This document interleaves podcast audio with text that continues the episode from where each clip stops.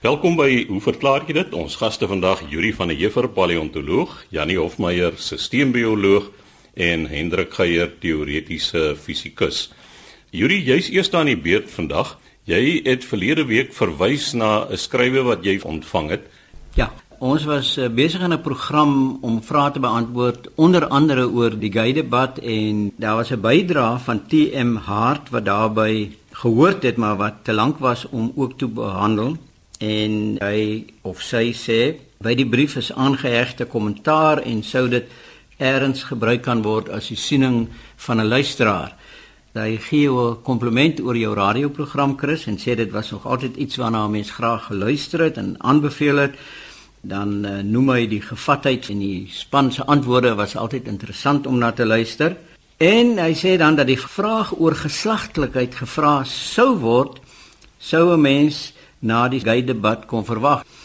Dat die antwoord of antwoorde 'n draai by die biologie as vak sou maak, is seker ook, maar dan is daar 'n opmerking wat ek gemaak het wat hy nie of sy nie van hou nie, deur dat ek gesê het vandag se laerskoolkinders weet meer van die biologie af as die Bybelskrywers. Ek persoonlik dink dis waar, want uh, as ek sou gesê het dat vandag se atletiekafrigters meer weet van sport as wat die Bybelskrywers geweet het, sou daar seker nie kommentaar gewees het nie. So ek dink 'n mens moet in daai konteks plaas en dan sê hy ook hy het nie gehou van die opmerking wat ek gemaak het oor Koot Foster, die destydse predikant wat later moderator geword het van die NG Kerk nie toe uh, ek gesê dat hy aangehaal is in die Star koerant in Johannesburg dat hy sou gesê het dat biologie of liewer evolusie is nie nodig in 'n biologie klas nie. Nou hierdie ding is gekonstateer deur 'n hele klomp navorsing en 'n hele klomp skrywers.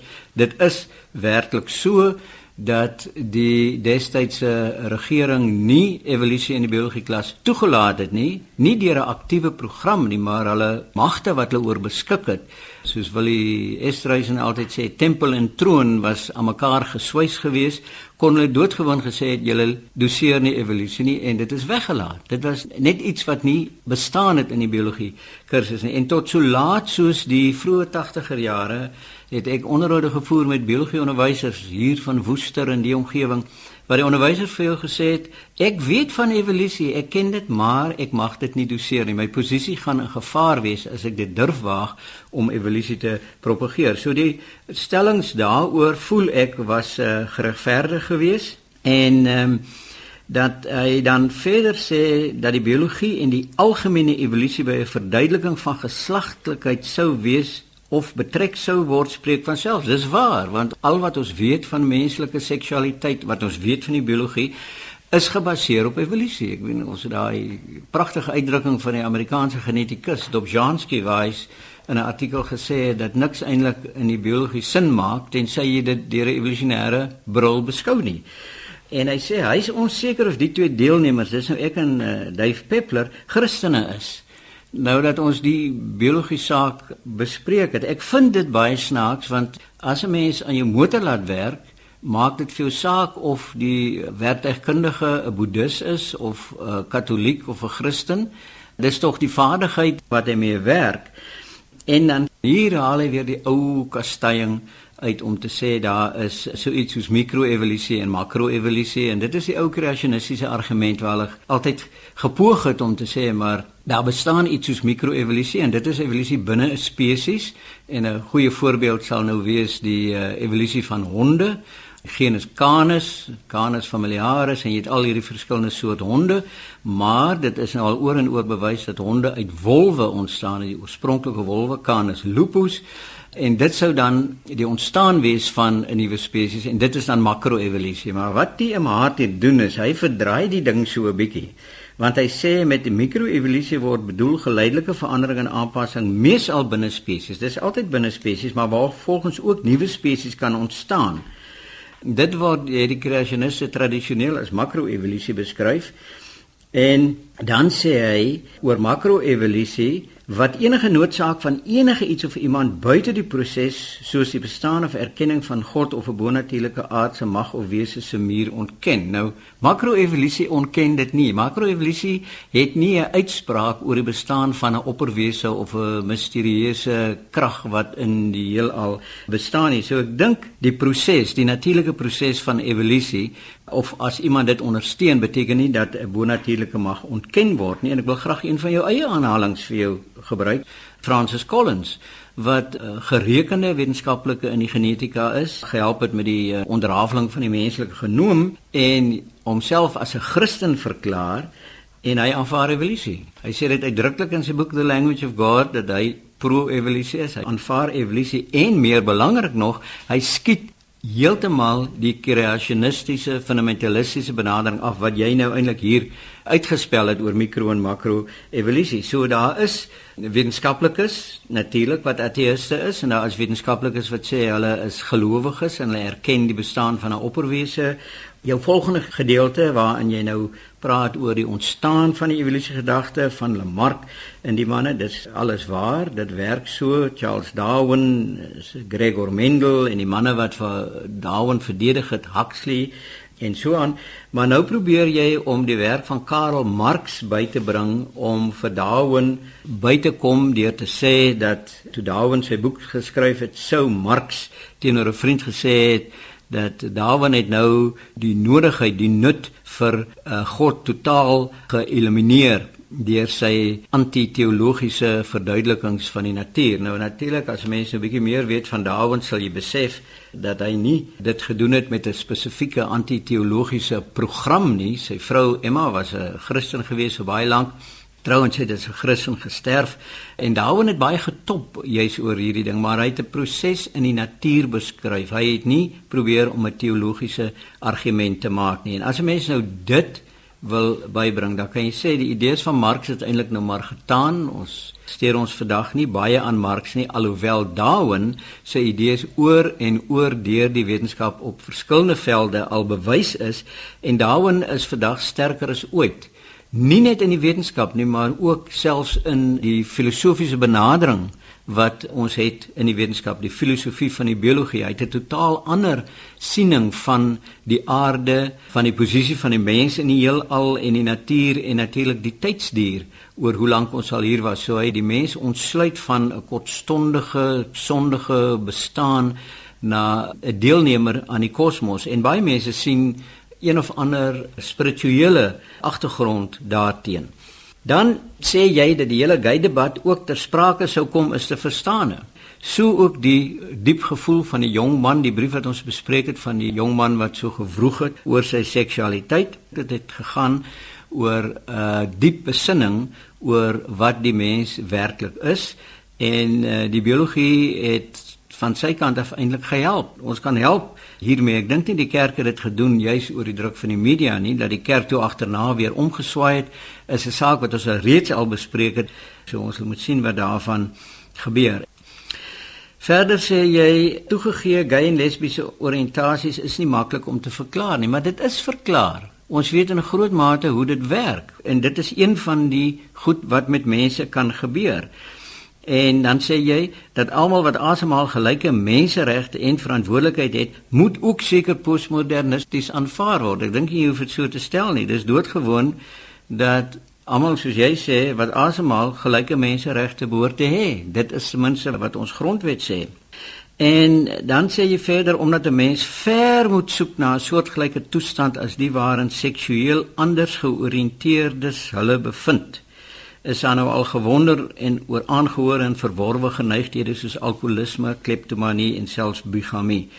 Nou alkoholisme is 'n siekte, maar die toestand van gay wees, die variasie in menslike seksualiteit, die is daar, dit bestaan en ons weet dit nou in meer detail as wat ons nog van tevore dit geweet het. En dan aan die einde Jy sê kan nogal interessante kombinasies afgee as twee monogamiese persone elk ook 'n hobomaatjie kon hê en einde uiting te gee aan die continuum of possibilities soos geslagtheid onder die opskrif the gender spectrum in bogenoemde artikel gestel is. Nou ek het bogenoemde artikel gaan lees Dis nie wat daar staan nie. Die continuum of possibilities verwys nie daarin dat as iemand 'n heteroseksuele man is, dat hy nou alle moontlikhede kan en gaan seksueel ondersoek nie. Wat dit beteken is dat daar tussen 'n heteroseksuele man en 'n vrou is daar verskillende kombinasies gebaseer op die omgewing, die omgewing in die baarmoeder, die orde van geboorte by kinders, die fisiologiese en genetiese samestelling. So dis nie asof as hierdie utopia wat jy nou sê in werking kom nie dat almal nou maar kan losbandig optree soos hulle wil nie. Dit is nie hoe menslike seksualiteit werk nie en dit is ook nie wat daai artikel sê nie en dan oor die sake Ek kan nie sê dat ek in totaal met jou geskrif saamstem nie. So sê Yuri van der Heever, ons paleontoloog. Jannie, hoekom word mense se hare grys? En ek kom ook agter soos wat hulle grys word, word hulle ook al halstarriger en harder of minder. Ek kyk hier om die tafel, ek sien haardosse van famies, so maar as ek na myself in die spieël kyk, dan ek die probleem van daar is nie hare om grys te word nie. Die vraag, soos wat Christus nou gestel het, Die kom van Ernest Hardin af. Hy staan van Amalienstein se plaas. Dit is 'n plaas daar tussen Berrydale en Carlsdorp. Hy is die plaasbestuurder daar en hy het duidelik al self in die spieël gekyk en gewonder wat gaan nou met hom aan. So dit is 'n baie interessante vraag en dit raak ons almal. So ons moet miskien weer altyd soos altyd bietjie teruggaan en kyk waar kom haarkleur in die eerste plek vandaan? Watter tipe haarkleur is daar? Wat veroorsaak dit en dan hoekom verander dit met die ouderdom? So hare, die is strukture wat groei uit klein kliertjies wat oor die hele liggaam voorkom, kliertjies in die vel wat ons noem haarfollikels. En wat die follikels doen, hulle sit so effens onder die oppervlakte van die sel, is hulle pak ou dooie selle saam en soos wat hulle nou daai aanpak proses doen dan groei die dooie selle in 'n struktuur op wat ons dan hare noem. So die dooie selle saamvorm dan groeiende hare. En die hare kan nou in verskillende kleure voorkom. Die basiese kleure is swart, bruin, blond, rooi en wit. Die wit is gewoonlik gekoppel aan mense wat aan albinisme ly. So daai absolute wit hare is gewoonlik die van albino. So pers hare is nie natuurlik nie. Dit moet ons vir die vrouens vra. Want soms kom hulle in die oggend uit met blonde hare en in die middag kom hulle met so pers tint. Ek sal 'n bietjie later daaroor gesels van blyking, wat die effek van blyking is. Maar as mens nou kyk tussen hierdie vyf verskillende kleure, dan kom daar eintlik 23 skakerings, beskryfde skakerings van haarkleure voor. Nou die haarkleur, die word gevorm deur twee tipes pigmente wat in die haarfollikels voorkom. Die twee tipes is swart en bruin en dit is vorms van wat genoem word eumelanin. So die pigmente se naam is melanine En daar's twee van hulle. Eumelanin kom dan voor in 'n swart en 'n bruin vorm en pheomelanin, dis 'n kleurstof wat aan die hare of oranje of rooi laat lyk. En dit gaan oor die relatiewe konsentrasies van hierdie pigmente wat die uiteindelike haarkleur dan is. So byvoorbeeld die eumelanin oor die algemeen veroorsaak dat die hare of donkerder of ligter is. Hoe meer van die eumelanin daar is, hoe donker is die hare en hoe minder hoe ligter. En dan gaan dit oor die konsentrasies van die verskillende tipes van eumelanin. So byvoorbeeld 'n lae konsentrasie van die bruin vorm van eumelanin gee vir ons blonde hare en 'n hoër konsentrasie van die bruine gee dan vir ons bruin hare. Terwyl die eumelanin wat in die swart vorm voorkom, die gee natuurlik by hoë konsentrasies swart hare en by lae konsentrasies dan grys hare. So mense word soms met grys hare gebore. Dis nie noodwendig iets wat net met die ouderdom kom nie. Dit is een van die natuurlike kleure van hare, maar dit is redelik skaars. Die pheomelanin, almal van ons het in al ons follikels 'n mate van pheomelanin, maar die vlakke wissel. Dit is nooit afwesig nie. En dit kan selfs wees dat een persoon follikels het van verskillende kleure. Soms 'n soort van 'n salt and pepper is een van die vorms wat jy dan in beide follikels het wat swart hare maak en follikels het wat grys hare maak. So die kleurverandering gaan tot 'n mate oor die stabiliteit van die pigmente van so bruin melanien is die stabielste van die pigmente, pheomelanin die volgende en swart melanien is dan die mees onstabiele vorm.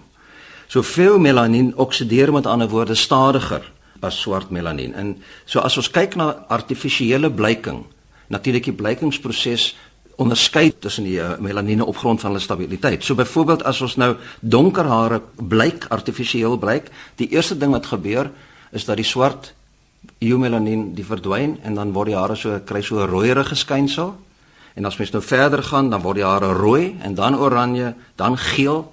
Ek het al gesien wat gebeur as hare te veel gebruik word. Wat blond was, is skielik nou geel en uiteindelik wit. So mens kan natuurlik hare soos wat ons gesien het al in die cricket, wat is ons Sri Lankaanse bowler met die met die wit klossie hier voor Malinga. Malinga, Malinga met sy wit klossie. Dit is as gevolg van blyking waarskynlik. Dit kan ook wees as gevolg van 'n haarlitteken. Soms is daar so natuurlike wit kol, maar ek dink Malinga hy het daar by die haarkapper 'n draai gemaak. Want dit het ook verander met tye. In elk geval, so die blyking, die werk dan stelselmatig op die stabiliteit van die melanine. So hierdie melanienvlakke kan nou ook verander met tyd en dit veroorsaak dan 'n verandering in die haarkleur. Soos as mense ouer word, kry ons dat die hare word eers tipies ligter, dan grys en uiteindelik wit. En dit is spes altyd in 'n spesifieke volgorde. So dit het nie besef nie, was interessant. Jou neushare word eers te grys, dan jou kophare, dan jou baard, dan jou liggaamshare en dan jou wenkbroue. En ek kyk nou byvoorbeeld na Hendrik wat hier oorkant my sit. Sy wenkbroue het 'n paar grys hare in, maar daar's meer swart nog in die wenkbroue as in sy kophare en sy baard is al lekker grys. So, die proses van gryswording het natuurlik nou 'n naam, want dit is 'n bekende en goed gebestudeerde proses, achromatrichia. En achromatrichia begin in mans eintlik al redelik vroeg in hulle middel 20s. Ek was baie vroeg grys al gewees, by sis by my al in die middel 20s begin en teen 30, 32 was ek grys gewees. Vroue begin dit bietjie later in hulle laat 20s. En wat gebeur is dat die follikel nie meer pigmente in die haarwortel vervaardig nie. So follicles wat dan ophou om haarkleur te vervaardig, die word dan stelselmatig word die haar dan soos wat die haar nou groei, kom die kleurlose ou selle kom nou in die bodem van die hare in en groei dan uit. So dan nuwe hare groei dan sonder pigment. Nou die selle wat die melanine maak, staan bekend as melanosiete, die stamselle in die follicles wat hierdie melanosiete maak. En dis wanneer hierdie stamselle doodgaan en nie meer die melanosiete kan maak nie, dat die gryswordingsproses nou begin. En dit is nie eintlik bekend wat hierdie proses aan die gang sit nie. Maar daar's 'n moontlikheid dat dit 'n verhoging is in waterstofperoksied binne in die melanosiete of in die stamselle selfs En dit volg as die ensiem wat verantwoordelik is vir die afbreek van waterstofperoksied met die naam van katalase as die natuurlike vlakke daarvan in die melanosiete dan begin verlaag en dat die waterstofperoksied neem toe en jou hare word grys. Maar ons is nie heeltemal seker of dit die proses is wat werklik die gryswordingsproses aan die gang sit nie. Dit is natuurlik 'n onomkeerbare natuurlike proses, maar daar's onlangs gevind dat die antikankermiddel met die naam van imatinib die grysvordingsproses omkeer. Maar ons weet nie hoe dit werk nie en natuurlik dis heeltemal onprakties want hierdie spesifieke verbinding imatinib is een van die sogenaamde biologiese middels is baie baie duur om te vervaardig en is ook gevaarlik om te gebruik. So dit word net onder sekere gevalle van 'n 'n kanker wat baie moeilik behandelbaar is word dit gebruik. Maar as ons kan uitvind wat die molekulêre werking van hierdie imatinib is, dan natuurlik kan ons dalk 'n goedkoper en 'n veiliger middel ontwerp om die gryswording te verhoed. Maar ongelukkig erns dit is toekomsmusiek en ek weet nie of dit ooit sal gebeur nie. Maar baie dankie vir 'n interessante vraag. Laaste aan die beurt vandag, Hendrik Geier, ons teoretiese fisikus. Nou Hendrik, jy hou daarvan om huiswerk aan die luisteraars uit te deel en jy het nou terugvoering ontvang onder andere oor die stygings in die aanvoelbare temperatuur net voordat dit begin sneeu. Ja, Chris, vergun my om net vinnig terugvoer te gee oor 'n paar skrywes wat ons gekry het na aanleiding van 'n program dink ek wat hier teen die einde van Desember uitgesaai is waarin ons weer van huiswerk gepraat het en ook 'n vraag aan die luisteraars gestel het om ons mee te help. So eerstens die huiswerk het te maak gehad met die gesprek wat gegaan het oor hoe ons verskillende organismes se spoedvermoëns met mekaar kan vergelyk en soos jy en die luisteraars wat toegeluister het uh, waarskynlik sal onthou het, het ons veral gefokus op die gedagte dat 'n mens van spoed praat in terme van liggaamslengtes per tydseenheid sê maar liggaamslengtes per sekonde eerder as die absolute spoed omdat dit 'n meer regverdige manier is om te vergelyk hoe vinnig of hoe stadig verskillende dinge met betrekking tot mekaar beweeg. En teen die einde van daai gesprek dink ek was dit Yuri gewees wat uh, uitgewys het dat dit bekend is dat sommige mure nogal uh, relatief vinnig kan beweeg en uh, ons het hier 'n skrywe van Johan Uys gekry van Ellen Reilan, Löwenstein en Belwel. Ek het 'n vorige keer uitgewys dat dit die omgewing was waar professor Christo Pinaar altyd vandaan sy bydraes tot die program gelewer het. Hoe dit ook al sê, Johan het gaan naslaanwerk doen en vir ons laat weet dat die sogenaamde Sahara silwermuur teen omtrent 7 meter per sekonde of terwyl 2,5 km per uur kan hardloop en as 'n mens nou 'n aanmerking neem dat hierdie muurtjie van die orde van 'n sentimeter lank is, dan gee dit hom 'n spoed in liggaamslengtes van 70 liggaamslengtes per sekonde wat vergelyk het met wat ons bereken het vir 'n sperm 3 liggaamslengtes per sekonde was. Ons het gesê Usain Bolt omtrent 5 liggaamslengtes per sekonde alhoewel Johan het hier uitgewys dat ons Usain Bolt 'n bietjie te nagekom het want hy hardloop nie aan 'n 4 voet nie. 'n uh, Mens moet uh, miskien eerder wat Johan genoem het sy frontale deursnee lengte met ander woorde uh, sê maar die dikte van sy borskas as dit omtrent 30 cm is dan bring dit hom daarin by 40 liggaamslengtes per sekonde uh, jagluiperd het ons bereken was omtrent 20 en 'n seilvis 15. So dis duidelik dat hierdie muur al hierdie teestanders uh, maklik sal uitstof. Um, ek het self ook 'n bietjie verder gaan lees uh, hier oor Chris en ek wil net kortliks berig dat ek agtergekom het dat 'n groep kewers in Engels bekend as common tiger beetles, neem aan in Afrikaans is dit maar uh, tierkewers dat hulle nog hierdie mure in die stof sal laat byt want van hulle kan tot omtrent 170 liggaamslengtes per sekonde handhaaf.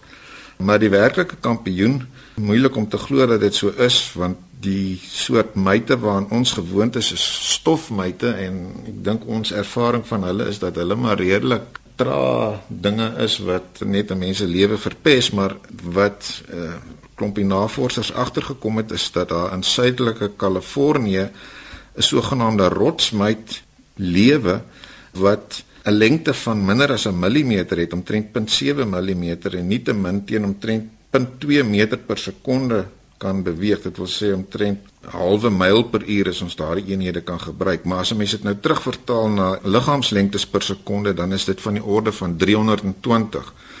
So vir Usain Bolt om met hierdie uh, rotsmyt te kan kompeteer, uh, sal hy van die orde van omtrent 2000 km per uur moet hardloop. So die kampioen op die oomblik is dan wat in sy latynse vorm genoem word Paratarsotomus macropalpus en hy byt nie in die stof nie, maar hy hardloop dat die stof so staan. Dan kortliks het ons 'n vraag van Renay Tron van Mariesburg aan die orde gestel. Sy het die bewering gemaak dat die aanvoelbare of buitetemperatuur styg kort voordat dit begin sneeu. Ek het destyds gesê ek kon nie enige uh, bevestiging hiervan kry nie. Ek het terloops ook met Piet Elof hieroor gepraat, program deelnemer wat dikwels oor weersake praat. Hy kon ook nie na enige gedokumenteerde bewyse van hierdie ervaring my verwys nie. Maar wat ek wel ontvang het was 'n interessante geselsbrief van meneer Bux Du Plessis hier van die strand wat my verwys het daarna dat hy in die Swaarhoek gebied tussen Somerset Oos en Peerston groot geword het op 'n plaas met naam van Mooifontein. Hy skryf dat sy pa hom dikwels van hierdie verskynsel vertel het en dat hy dit self ook so ervaar het. En hy gaan aan voort om sy ervaring van verblyf op 'n paar plekke daar in die Oos-Kaap, Sterkstroom, Bedford en Boknes uh, uit te lig, plekke wat aan my, soos ek reeds genoem het, redelik goed bekend is, maar wat Bux verder genoem het is dat niemand met wie hy gesels het sy pa in kluis enige verklaring hiervoor kon gee nie. So ons sit nou nog steeds met die vraag nommer 1, is dit werklik iets wat 'n mens kan meet? En nommer 2, indien wel, hoe verklaar 'n mens dit? So as daar ander luisteraars is wat kan help om lig op hierdie saak te werp, Chris sal ek dit waardeer. Ek het al begin wonder of dit nie een van daardie tipiese dinge is wat 'n mens by nabetragting eintlik rekonstrueer nie, want jy weet wat tipies gebeur as dit begin sneeu het is daar 'n ligte windjie waai dan voel dit natuurlik vir jou skielik koud en by nadenke kan jy miskien oortuig word dat dit voor die tyd dalk 'n bietjie warmer geword het. Dis maar sommer net pure bespiegeling aan my kant maar ek dink daar is miskien so 'n konstruksie deel van wat mense later as die ervaring meedeel naamlik dat dit warmer word kort voordat dit begin sneeu maar ons hoor graag nog en ons ons hou maar hierdie vraag 'n bietjie op die ys totdat ander mense aan die gesprek deelneem. Hendrik, ek kan net daarbey aanvul. Ons het ook in 'n stadium 'n vraag ontvang, 'n luisteraar wat gesê het, "Hoekom is sê nou maar 26 grade in die nag baie warmer as 26 grade in die dag?" En ek onthou Piet Elof het daaroor gepraat en gesê maar 26 in die nag is 26 in die dag. En die persoon het nou weer geskryf en gesê maar hy en sy vriende het daaroor gesels en hulle stem saam dat hulle by 26 in die nag sweet, maar by 26 in die dag kry hulle glad nie warm nie. Nou dit moet ook maar iets met die aanvoelbare temperatuur dink ek wees en die bedde goed en wat ook al daarmee saamgaan. Ek sal maar weer kommentaar aan my vriende hier uit die wêreld van die biologie oorlaat, Chris, maar ek kan my voorstel dat die fisiologie ook so funksioneer dat dit in die dag en die nag verskillend sou reageer op 'n spesifieke temperatuur. So kom ons borduur nie verder daarop nie. Maar ek dink jy jy slaan die spyker op die kop, uh, Henk, dit is jou jou fisiologie wissel gedurende die dag. Dit gaan ook daaroor natuurlik oor nie net die temperatuur nie, maar ook wat in die lug aangaan terme van lugvloei en so. Dis allerlei goed wat op jou effek het. So Chris, dit dan die terugvoer op die bespreking van 27 Desember en uh, ek moet sê dit is altyd lekker om op hierdie trant met luisteraars in gesprek te kan tree en ek hoop werklik ons gaan nog 'n uh, goeie gesprek hê oor of dit nou regtig warmer word kort voordat dit begin sneeu of kapok soos ons hier meer dikwels ook daarna verwys. Aldus Hendrik Geier, ons teoretiese fisikus, die tyd het ons ongelukkig ingehaal. Skryf gerus aan, hoe verklaar jy dit? Posbus 2551 Kaapstad 8000 of stuur 'n e-pos aan chris@rsg.co.za.